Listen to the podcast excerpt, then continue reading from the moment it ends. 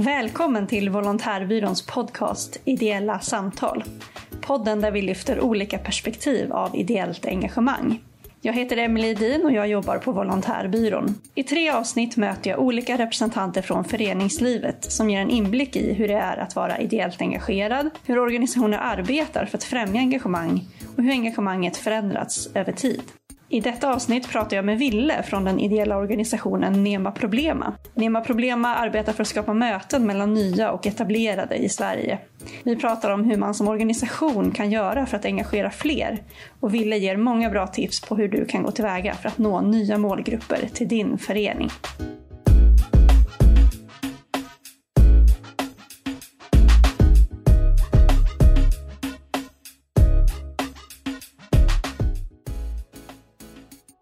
Då säger jag hej och välkommen till Ville från Nema Problema. Välkommen till Volontärbyråns podcast Ideella samtal. Jättekul att du är här. Tack så mycket, jättekul mm. att få vara här. Härligt. Vi, vi ska prata lite om vad Nema Problema gör här idag och få höra lite vad ni har, har gjort i er verksamhet för att engagera fler i er organisation och vilka lärdomar andra kan, kan dra av det i, i föreningslivet.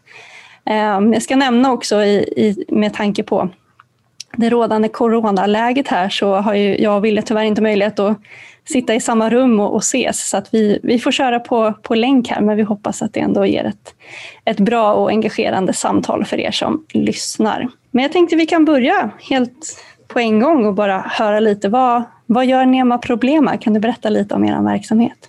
Vi är en ideell förening eh, som framförallt jobbar med integration. Eh, och vårt fokus är att skapa möten mellan personer som är nya i Sverige och personer som har varit här lite längre. Så etablerade svenskar brukar vi säga. Och så försöker vi hjälpa nya i Sverige att hitta arbete eller att ta steg mot arbetsmarknaden. Och core business eller huvudaktiviteten, eh, det som ägnas mest eh, resurser är mentorprogram där vi har ett mentorprogram som är riktat mot unga, både då unga eh, nyanlända och unga Eh, mentorer, så unga etablerade i Sverige och sen så ett yrkesinriktat som är då riktat mot människor som har relevant erfarenhet från ett yrke i ett annat land som har kommit till Sverige och som vill ta sig in på den svenska arbetsmarknaden som då matchas med lite äldre personer som har erfarenhet från just svensk arbetsmarknad. Förutom mentorprogrammen så har vi eh, stora högtidsfiranden. Så på, på alla de stora högtiderna i Sverige så brukar vi samla nya och etablerade i Sverige för att ja, men, visa upp svenska eh, högtider, svensk kultur. Eh, och sen så, så framförallt kanske bara för att få skapa möten, träffas, ha det kul och visa att det här med integration inte bara behöver vara svåra, läskiga, stora saker utan det handlar också om att bara lära känna andra människor. Det har ju av naturliga skäl eh, legat lite på is under det senaste året för det brukar vara flera hundra, ibland flera tusen människor som är på de här eh, Eh, evenemangen så det kan vi inte göra nu tyvärr men förhoppningsvis i sinom tid igen. Ja, det, det, är ju ett, eh, ett lite speciellt läge som vi befinner oss i, i just nu så att jag tänker att mycket får kanske pausas eller så i det läget. Men jag tänker att det är ändå intressant att höra hur, hur det ser ut i vanliga fall. Så jag tänker att vi, vi, vi försöker liksom återgå och tänka lite utifrån från det perspektivet här i samtalet också. Då får vi se hur det, hur det blir framöver helt, helt enkelt. Vad skulle du säga är ett, ett typiskt ideellt uppdrag i, i din förening? Vad gör man om man vill engagera sig? Ja, men det finns ju egentligen eh, två ganska tydliga typuppdrag. Eh, det ena är ju som mentor eh, där man helt enkelt åtar sig att, att stötta en person som är ny i Sverige under en, under en längre period. Det är ju liksom, det är lite speciellt eh, ideellt uppdrag eller volontäruppdrag så tillvida att vi tänker att mentorer både är lite volontärer och deltagare i programmet. Ehm, eh, det är inte så att man liksom bara ställer upp med en viktig insats och gör någonting för en annan människa utan eh, vi tror ju och eh, har erfarit att många får ut mycket själva av att vara med i programmet. Ehm, men det är väl liksom det ena typuppdraget helt enkelt. Man är mentor och då så ska man hänga med och träffa en person på, på individuella träffar en gång i månaden under en längre period. Och så får man också vara med på lite gruppaktiviteter som arrangeras i programmet. Om man är mentor, vad, vad gör man då med i, i sitt uppdrag? Superbra fråga. Eh, det är ju liksom lite tjusningen med ett mentorskap är ju att det går att anpassa individuellt. Så det blir ju ganska det blir ju lite olika i olika mentorrelationer där, där adepten som vi kallar dem, alltså de nya i Sverige som är med i programmet, eh, den personens behov får ju styra lite. Men typiskt sett så är det ju mycket som syftar till att eh, hitta utbildning eller arbete i Sverige. Så för unga personer så kan det vara att man hjälper till med läxor, man hjälper till med en ansökan veckan till gymnasiet. Man berättar om vad det finns för olika utbildningsmöjligheter i Sverige. Du kan också bli mer praktiska saker som att liksom ansöka om CSN eller, eller den typen av aktiviteter. Som är ganska enkelt om man har gjort det och är uppvuxen i Sverige men som kan vara supersvårt om man inte har varit här. Just det, så att det blir lite som en, ett, ett extra stöd i, i allt som kan handla om att, att komma till, till ett nytt sammanhang helt enkelt. Så. Precis, precis mm. så. Och sen så för, eh, för många så handlar det också som, om jobb som sagt och här är det ju väldigt olika. Vissa har ju kommit ganska långt och står ganska nära arbetsmarknaden i Sverige medan vissa inte har kommit riktigt lika långt och då är det väl liksom mer, ja, men lite olika typer av behov som finns där också. Men, men det är saker som att skriva CV, skriva personligt brev eller kanske mer då anpassa CV eller personligt brev till en svensk arbetsmarknad. Det är ju lite, lite olika krav på olika ställen. Berätta om vad det finns för liksom möjligheter i Sverige, hjälpa en att hitta nya kontakter, gå på liksom konferens eller seminarium eller peka någon i rätt riktning. Sådär. Mycket sociala koder. Det är ju liksom en ovanligt informell arbetsmarknad i Sverige på många sätt och det är svårt för många att pejla in. Man förväntas ta mycket egna initiativ och den typen av saker som är, som är svårt helt enkelt om man är ny här. Mm. mm. Ehm, så, att, så att ganska liksom konkreta grejer brukar, brukar personer ägna sig åt en stor del av tiden. Men utöver det så, så mm, liksom bygger de allra, allra flesta också en mer vad ska man säga, privat relation eller social relation där man bara gör roliga grejer tillsammans, lär känna varandra. Alltså det är fika, gå och spela bowling, få lite updates updates, updates heter det. Eh, ha middagar tillsammans med familjen när man går på något sportevenemang. Man gör någonting som båda tycker är kul helt enkelt bara för att ha det lite härligt. Härligt, låter som en, en superbra verksamhet tycker jag. Och vi är här idag för att, att, ge lite inspiration till, till andra föreningar, de som kanske är ideellt engagerade och, eh, eller anställda i, i, olika föreningar och jobbar just med det här att försöka eh, samordna och få in fler frivilliga till, till sin organisation. Så jag tänkte vi ska komma in och prata lite om eh, hur det ser ut hos er och vad ni har för lärdomar och kanske dela med er av där. Eh, så jag tänkte om du kan börja berätta lite, när ni söker nya frivilliga, hur, hur går ni tillväga då?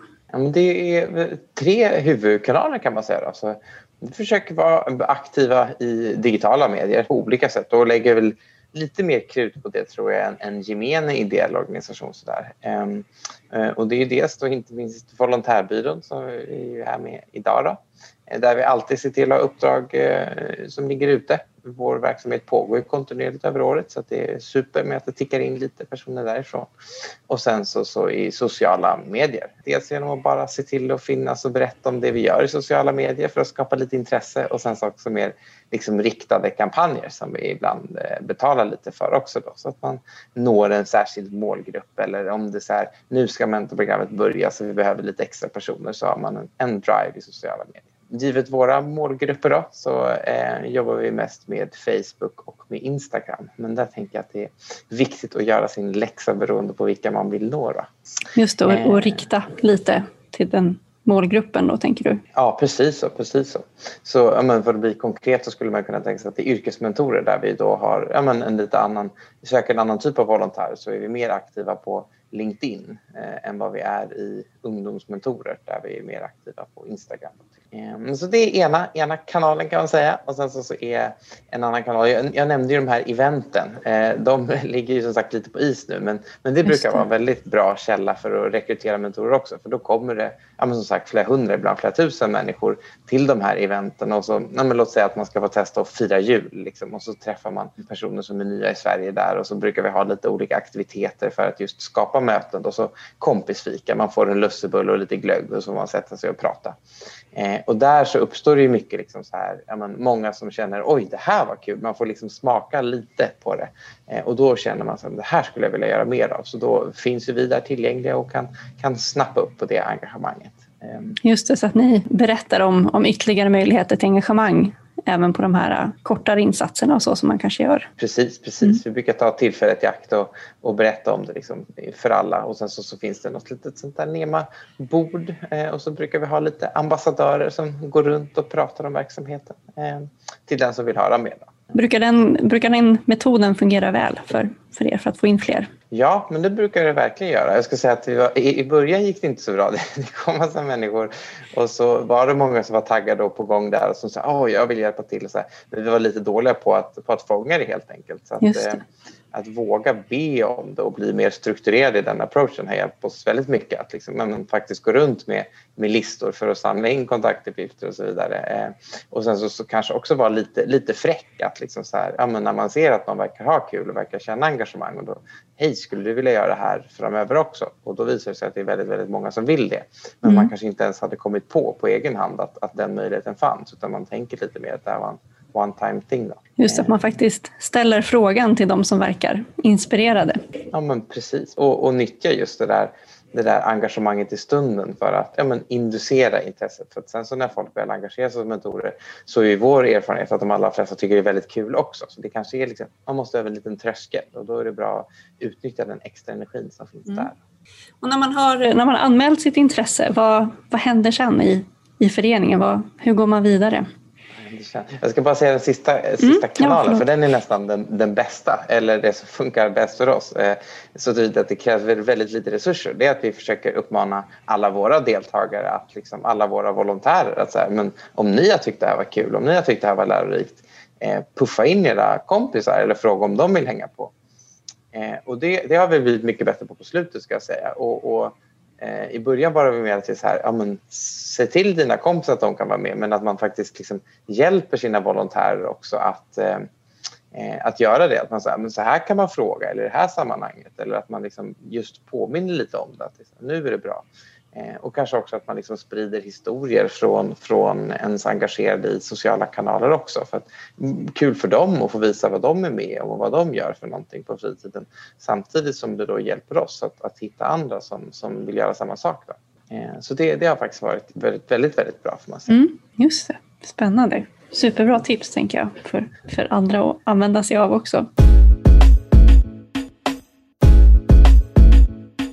När engagemanget kommer till er, vad, vad är nästa steg för att, att få bli engagerad? Hur ser det ut? Det beror ju lite på uppdraget. Alltså om man blir mentor eller om man är då eventvolontär som vi brukar kalla det, som man är med på de här eventen. Men, men om man är, är mentor som är det de flesta är, ska jag säga, eh, då har vi en, en intervju med alla som blir engagerade eh, och, och det är ju dels för att höra om om den personen och dens behov men det är också för att eh, kartlägga lite bakgrund så att man ska kunna få till en bra matchning med adepten framöver. Då det blir ju svårt kan jag tänka mig i många andra verksamheter där man inte riktigt kan ägna ja, men lika mycket resurser åt alla volontärer i, i första skede. Men, men det gör väldigt mycket för oss. Det hjälper väldigt mycket för att just kunna svara på frågor och reda ut lite orosmoln och sånt där. Det är klart att man kan ge mycket liksom, information via hemsida och, och, och sådär men, men att få prata med någon kan ju hjälpa till lite extra och kanske skapa lite mer liksom, av en personlig relation också. Så att, ett telefonsamtal åtminstone har vi med, med alla som, som anmäler som mentorer. Då.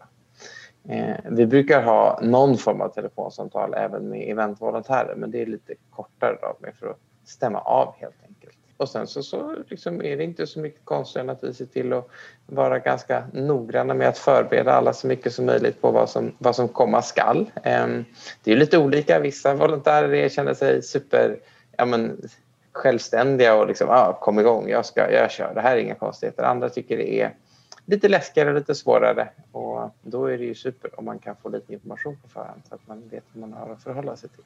Just det. Och där har vi också lärt oss att vara övertydliga snarare än, än ja, ge för lite information. Helt enkelt. Mm. De som inte vill ha det de kan ju bara titta bort och de som känner att de tjänar på det eh, mår bra av det. Eh, upplever vi och svarar volontärer i våra enkäter som vi gör. Men det, låter, det låter också spännande där, jag tänker att man ändå kan, man kanske kan börja i, i ett uppdrag, de här eventuppdragen och sen därefter engagera sig lite mer kontinuerligt också, att det finns, finns lite olika steg in i organisationen. Det tänker jag också kanske underlättar för någon som inte engagerat sig tidigare eller som är ny för organisationen. Precis så, det är ju, det sätter ju fingret på det. Det är ju lite tanken med, med eh, alltså eventen i, i dubbel bemärkelse. Dels att hitta människor som vill engagera sig som inte har varit volontärer förut som kanske då först blir eventvolontärer och sen blir Eh, mentorer eller, eller eh, direkt från att komma på ett event till blir man mentor. Mm. Det tror jag är en fiffig grej, att ha lite mer av en trappa så att man inte behöver liksom hoppa in med hull och hår på en gång.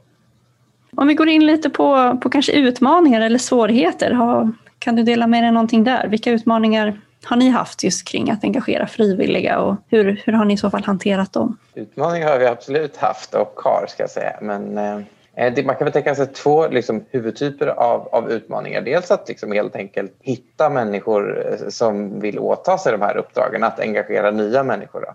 Och sen så, så utmaningar relaterat till att, till att ha ideella i organisationen. Då. Ehm, mm, den förstnämnda frågan, så vi har faktiskt varit eh, väldigt förunnade med att ha ett väldigt fint inflöde av människor som vill stötta oss, vilket känns fantastiskt. Eh, men, men det har varit lite lurigt ibland att få in eh, volontärer som matchar, matchar den profil vi kanske eftersöker lite särskilt. Då. Så, ja, men ett konkret exempel är att det är många av de yngre som har kommit till Sverige är, är killar, ensamkommande. Och vi till, vill, vad heter, frågar alla som, som ska vara med som adepter i programmet om de har några särskilda önskemål avseende mentorer. Då är det, då är det ganska många killar som, som vill träffa en annan kille. kanske. Eh, och då har vi haft lite svårt att nå unga killar som ska vara mentorer. Det är eh, överlag väldigt mycket fler tjejer än killar som vill engagera sig i vår verksamhet. Jag tror även att det gäller generellt eh, i, i den här typen av ideella organisationer. Men om man ser till unga personer så är det extra mycket eh, liksom, övervikt på, på, på tjejer. Eh, så det har varit en, en utmaning helt enkelt att hitta unga killar. Och det har vi väl hanterat på, på lite olika sätt.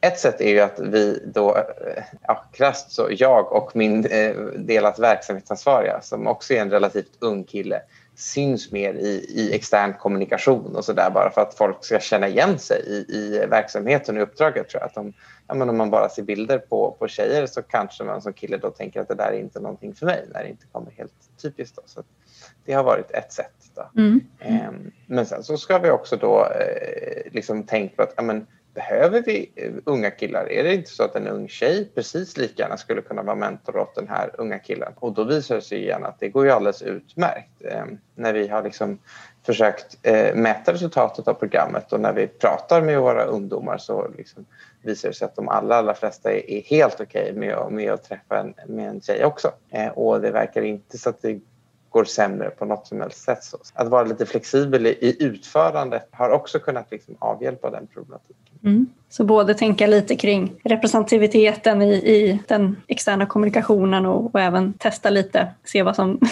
se vad som funkar faktiskt i verksamheten också. Ja men precis, liksom våga, våga testa lite både och. I den här externa kommunikationen också så en av de stora fördelarna, vi var inne på det förut, men, men med sociala medier är ju, och det, det är fantastiskt som ideell aktör och sen så som privatperson är det väl lite, lite läskigt också men just att man kan rikta saker och ting så mycket också så är ju det ett ganska effektivt sätt att nå en, en särskild målgrupp. Att, att verkligen göra sin läxa på liksom, vilka parametrar ska vi styra på i den här kampanjen för att vi ska nå, nå dem vi vill nå helt enkelt.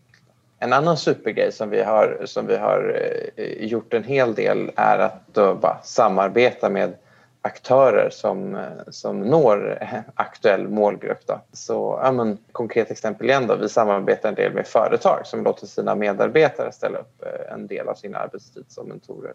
Och på företag brukar det vara ungefär lika många killar som tjejer så då blir det liksom lite lättare att, att nå målgruppen där också. Ja, det är intressant. Det. Det, är, det är en utveckling vi ser mer och mer av i, i Sverige också. Just det här att företag ger en del arbetstid till sina anställda för att engagera sig ideellt. Det öppnar ju för helt nya möjligheter för, för människor att engagera sig, tänker jag också. Ja, men verkligen. Det, det, är, det är supercoolt och det är, det är liksom en av de tydligaste skillnaderna vi har märkt över tid. Det kan ju också ha varit att liksom vi har blivit lite mer etablerade så att det är lättare för företag att hitta till oss så att det känns lite mindre läskigt än med någon superliten spelare men det är verkligen många som vill, som vill engagera sig den vägen vilket är supercoolt. Ett annat litet problem eller en liten, ja. en liten issue sådär, det är att det är lite svårt ibland med, vad ska man säga, timing av engagemang. Att vi ser dels lite liksom säsongsbundet men kanske framförallt runt vissa högtider och sådär så är det väldigt, väldigt många som vill, som vill engagera sig. Så typiskt vid jul så får mm. vi säga åt folk att tyvärr, vi har fullt, ni kan inte, vi kan inte ta emot fler då. Eh, och sen så, så vid midsommar istället så står man och så behöver man jättemycket hjälp och så finns det lite svårt att hitta hjälp att spacea ut det sådär. Och där har vi inte kommit på någonting fiffigt än måste jag ärligt tillstå men det är, eh, men det är alltjämt ett, ett, litet, ett litet problem. Sådär. Mm. Försöka hitta någon väg på få med sig dem från jul och hänga i i ytterligare högtider kanske. Det. Men, men där säger du någonting, någonting väldigt, väldigt viktigt som jag tror att vi har liksom kommit till insikt med mer och mer också. Att det är, det är lätt att fastna i att man ska hitta nya hela tiden och så, så lägger man jättemycket resurser på det och så glömmer man bort alla de här fantastiska människorna som hänger i liksom, år ut och år in. Och i synnerhet om man liksom ska, ska växa och bli större över tid så blir ju det jag skulle vilja säga minst lika viktigt som att, att hitta nya, att just verkligen ta hand om de man har. Så det, det, har vi verkligen gjort mer nu och det blir ju, det blir ju toppen. Dels för att de bygger ju erfarenhet i organisationen och blir ju superkrafter liksom efter ett tag. Eh, och dels just för den här kontinuiteten, att liksom man vet att det finns, att det blir mycket lättare att planera verksamheten enkelt för man har den här lilla basen. Då. Så mm. det, men det, där säger du något viktigt. Ja, precis. Så att både, både kanske rekrytera i nya kanaler men värna om de som finns också. Erbjud kanske nya möjligheter för dem. Ja, men precis. Vi, vi nämnde ju kort här att det, engagemanget just nu ser lite annorlunda ut än, än hur det brukar vara. Ehm, det är nog så för de allra flesta organisationer. Vi vet ju inte riktigt hur det kommer bli framöver heller, men jag tänker ändå att vi ska försöka prata lite kring så förändringar i engagemanget och, och så. Och, ehm, hur, hur, ser, hur ser det ut hos er? Ser ni, om man jämför kanske för fem år sedan, har, har engagemanget förändrats i er organisation under den här tiden? Hur ser det ut? Vår organisation har ju funnits i ungefär fem år så att det är... Ja, perfekt tidsaspekt. så det kan ju vara lite beroende på hur vår organisation har utvecklats också. Men, men bara som en, en, en första liten kort passus nu under, under covid så måste jag säga att jag är jag är otroligt bara imponerad och glad ända ner från tårna av att se hur, alltså hur mycket fantastiskt engagemang vi haft genomgående den här perioden. Det har, eh, ja, men trots, trots alla utmaningar så har vi aldrig haft så många engagerade som vi har nu, eh, vilket känns väldigt, väldigt tufft. Och det är ju särskilt viktigt givet att eh, utmaningar på arbetsmarknaden eh, och utbildningsmässigt för, för nya i Sverige är, är kanske särskilt stora nu. Då. Eh, så det, det är ballt att se. Eh, om man drar ut liksom tidslinjerna lite mer så, så kan vi se så här allmänt, vi pratar ju mycket med andra organisationer som, som har engagerade inom integration och det är ganska tydligt att intresset för just integrationsområdet har gått ner lite eh, under senare år. Då. Ehm, eller snarare var det väl så att det pikade väldigt, väldigt mycket här när det var väldigt många som kom till Sverige. Så 2015, 2016 framförallt. Eh, och det tror jag de flesta som lyssnar på det här kommer ihåg att det var mycket, mycket, mycket prat om helt enkelt att oj shit, nu måste vi verkligen göra allt för att hjälpa de här människorna. Eh, så, så mm, där ser man en ganska tydlig liksom, dalande tendens vad gäller, vad gäller eh, engagemang för just den här frågan. Då. Ehm, med det sagt så har vi på Nema Problema varit förunnade med att ha väldigt fint stöd genomgående här så att det är ju liksom inte så att det inte finns människor som vill engagera sig i den här frågan eh, utan det är många som vill fortsatt och, och man märker också att det finns liksom en liten skara som verkligen brinner för det här och, och hänger i. Då. Men, men det är en, en, en ganska påtaglig förändring, liksom ett allmänt lite svalare intresse just för den här sakfrågan. En, en, annan förändring, det var det vi var inne på förut också. Här är det väl liksom lite svårt för mig att säga i vilken, i vilken eh, utsträckning det är förändring under de senaste fem åren och i vilken utsträckning det är förändring för Nema Problema. Men, men att företag verkligen eh, liksom vill engagera sig och just engagera medarbetare konkret. Inte så att man bara vill ja, men låt säga eh, skänka pengar till Nema Problema utan man vill hitta möjligheter för personalen att bidra på något sätt. Då.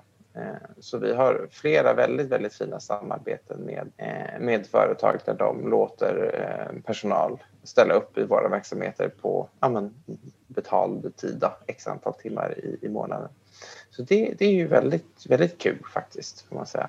en, en väldigt då så här sentida förändring men, men med covid, men som började komma lite innan det också. Det är ju en, liksom, jag vet inte riktigt vad man ska säga, då, men ökad acceptans eller någonting för, för digitalt engagemang också. Att liksom, det är lika värdigt att hjälpa någon på en digital workshop som det är på en fysisk workshop. Att liksom, eh, och det kan vara nog så, så givande. Liksom. Men att eh, men, nya former eller vad man ska säga för engagemang där det kanske inte är det här typiska att man då går till ett ställe och, och hjälper till vid någonting särskilt när man mer finns där för en person på, på distans helt enkelt. Absolut, det känns som att eh, just den formen av engagemang har fått en, en helt en ny extra skjuts här under, under det här året och kommer säkert hänga i ännu mer framöver. Även om, som du säger, det kanske var på gång redan innan men nu kommer det nog verkligen fortsätta. Och det, det är ju superspännande. Det ger ju helt nya möjligheter för, för olika former av engagemang och också för människor att engagera sig också, tänker jag, utifrån olika förutsättningar man har och tid att kunna, kunna vara på plats och, och inte så att man kan göra mer på distans också tror jag att det är en del av det som ligger bakom att vi har haft så många liksom engagerade under det här året också. Så att det, det blir ju lite flexiblare helt enkelt om man kan, om man kan pilla in det en någon timma eller någonting på kvällen när man, när man sitter hemma än att man ska ge sig iväg någonstans. Nu hoppas jag att det återgår lite mer till det normala men, men det kommer finnas fina saker som uppstått ur det här också. Absolut, det hoppas nog många av oss. Det här. De personliga mötena är ju en stor del av det föreningslivet är och står för så jag hoppas att vi kommer tillbaka dit också. Men eh, skulle du, har ni gjort någon observation i, i liksom Eh, om man tänker just det här med förändringar i engagemang, just du säger den digitala kanske har kommit mer och så och var på gång redan lite innan. Är det nya människor som engagerar sig digitalt eller är det ungefär samma Liksom, samma ålder, samma målgrupper så som, som innan eller det kommer in nya personer via nya former av engagemang? En, en väldigt intressant fråga. Jag måste ärligt tillstå att jag inte har tänkt på det så jättemycket men, men min intuitiva bedömning skulle ju vara att just det här digitala passar eh, yngre människor lite bättre. Då. Och det kan vi också rent krasst se i vår verksamhet att just nu under covid så är det ganska många av våra trogna lite äldre volontärer som har sagt att jag, jag sätter det här på paus lite just nu för att det, det passar inte mig helt. Då. Och vi har gjort vårt bästa för att liksom tillmötesgå de, de behov som finns på olika sätt men det är, men det är, lite, ja, men det är lite svårare helt enkelt då för vissa, vissa personer där. Så det skulle jag säga är en ganska tydlig sak. Så att, eh, uppenbarligen en positiv grej att man når fler unga då, men samtidigt lite tråkigt då, att inte alla kan tjänas den vägen. En, en väldigt här, konkret sak också som är lite tråkig att det är många utrikesfödda som har lägre engagemang. Vi har ju liksom historiskt väldigt många utrikesfödda som agerar volontärer också hos oss men, men det har blivit lite svårare också just med det här distansarbetet. Då. Samtidigt så är det någonting som har ökat så kontinuerligt över tid fram till covid ska jag säga. Så att, vilket är väldigt kul att liksom just utrikesfödda inte bara är med som då liksom någon slags beneficiaries eller vad man ska säga utan också som verkligen hjälper till på massor. Precis, att man, man är inte alltid bara mottagare för att man är den som är ny i, i sammanhanget utan man kan också vara den som som engagerar och bidrar. Eh, du har varit inne lite på det här just med lite olika kanaler och så som ni använder och sätt för att och nå nya målgrupper till exempel genom era företagssamarbeten och sådana saker. Men eh, men, har du någonting mer att, att, att berätta där just om hur ni har gjort för att nå nya målgrupper eller för att nå just unga? Ja, alltså den, eh, det, det är ju ett ganska banalt tips men, men nog så eh, nog så bra tips skulle jag säga för vi slarvade lite mer i början. Det är om man ska nå någon ny målgrupp att verkligen eh, fråga vederbörande under vilka premisser vill ni engagera er och hur når vi er? alltså verkligen så eh, krasst. Liksom. Och det är väl en sån läxa vi har gjort. Då, eh, dels vad gäller liksom, eh, deltagare i verksamheten, alltså människor som deltar som nya i verksamheten och, och för volontärer. Men, och, och det, att, att göra en så ganska noggrann process är, är, har varit väldigt, väldigt givande. Då, liksom.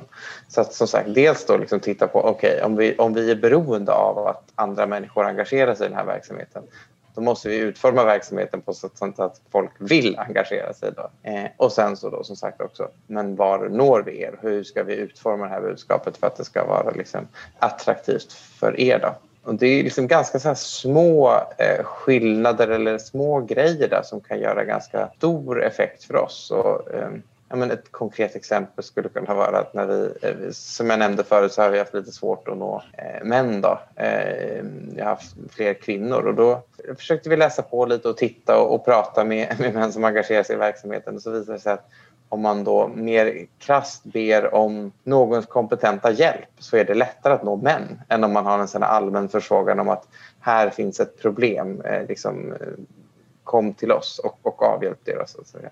så att, så att, alltså, att krasst be någon, så här, kan du agera mentor? Kan du stötta den här personen? Eh, det har gjort jättemycket, liksom, vilket jag tycker är lite ballt. Intressant, så att liksom konkretisera lite mer och, och, och, lyfta just specifika kanske kompetenser som man kan använda. Ja men precis, precis. Alltså så här, den här typen av hjälp behöver vi av dig. Kan du, kan du steppa upp här? Men, och där var du inne på någonting annat, en, en sån sak som att just eh, initialt hade vi liksom väldigt bred rekrytering. Att liksom allting var vi behöver hjälp eh, punkt, punkt, punkt. Och så, så liksom en beskrivning som, som passar in lite på vem som helst för att vi behöver liksom väldigt bred hjälp i verksamheten.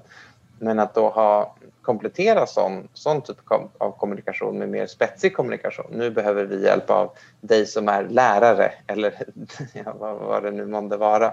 Så, så bidrar det väldigt fint faktiskt. Då, för att just det, jag tror att det hjälper om man känner sig lite träffad. Att det här är inte bara liksom det är inte bara vem som helst som kan kliva in här utan det är faktiskt jag som, som kan kliva in här. Det, det tror jag är en, är en fiffig grej. Då. Och så, så, så, vi var inne på det förut, men, men det här med att verkligen, verkligen ta tillvara på, på det som finns. Att försöka samarbeta med andra organisationer som har kontakt med aktuell målgrupp är ju liksom super.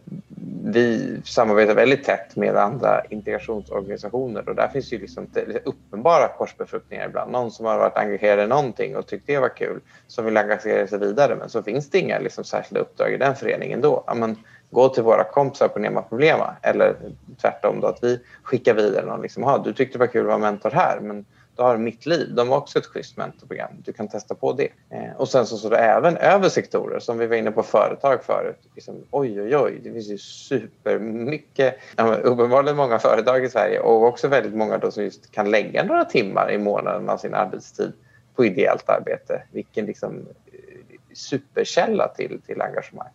Och sen så även så samarbetar mycket med kommuner som har fantastiska nätverk ofta och som inte minst har många anställda som ofta vill engagera sig och som ja, men, når ut i det lokala föreningslivet. Så att, eh, våga, våga, fråga de som redan finns brukar vara väldigt bra också. Och igen då liksom, det här med att stå på sig lite och våga fråga. Var lite, liksom, var lite modig där tror jag är bra. Super, jätteintressant. Där fick man väldigt många konkreta tips också ifrån från er vad, vad ni har gjort och vad som har fungerat också för att nå nya målgrupper.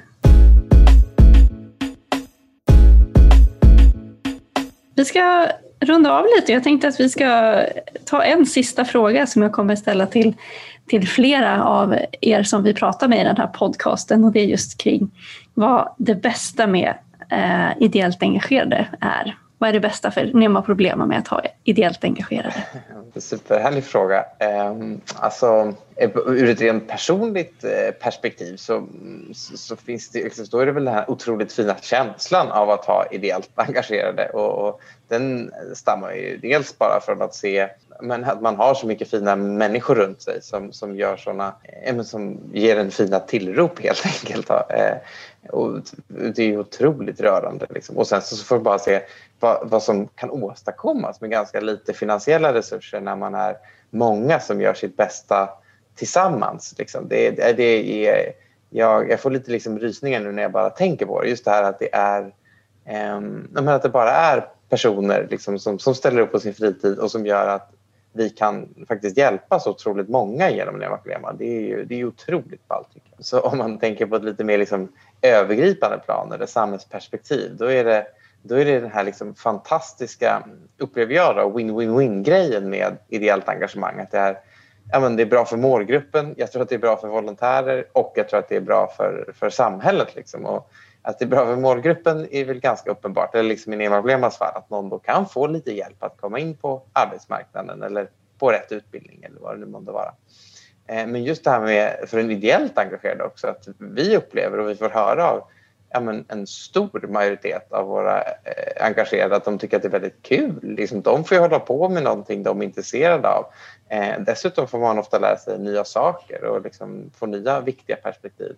Och sen så på det här liksom mer samhällsövergripande planet så du, du sa det förut här i början att det är liksom så många som möts i föreningslivet. Det blir väldigt påtagligt i Nema Blema där det är så många liksom nya och etablerade i Sverige och som möts även i rollen som volontär och hur liksom viktigt det är för att skapa ja, men samhällsgemenskap, hur viktigt vårt föreningsliv är där. Liksom den här svenska tilliten som man brukar slänga sig lite med men som faktiskt är en jävla tillgång i landet och att vi kan tillse det genom, genom engagemang. Då. Men också, liksom, och det hade inte jag någon aning om förut, hur, liksom, hur mycket det är som, alltså, av viktiga samhällstjänster som har börjat som ideella föreningar. Alltså så här, ja, men, hemtjänst och bibliotek och så här, massa coola grejer.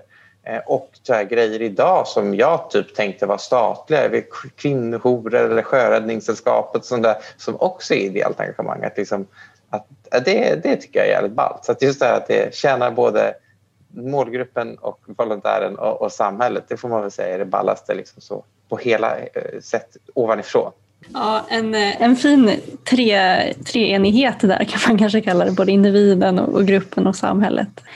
Stort tack för eh, dina inspel och erfarenheter som du har delat med dig av, Wille. Jag tänker att eh, vi har många goda tips och råd att ta till oss av här just i hur vi kan engagera fler och, och nå ut till nya målgrupper. Tack så jättemycket för att du var med i vår podcast. Tack så jättemycket för att jag fick vara med.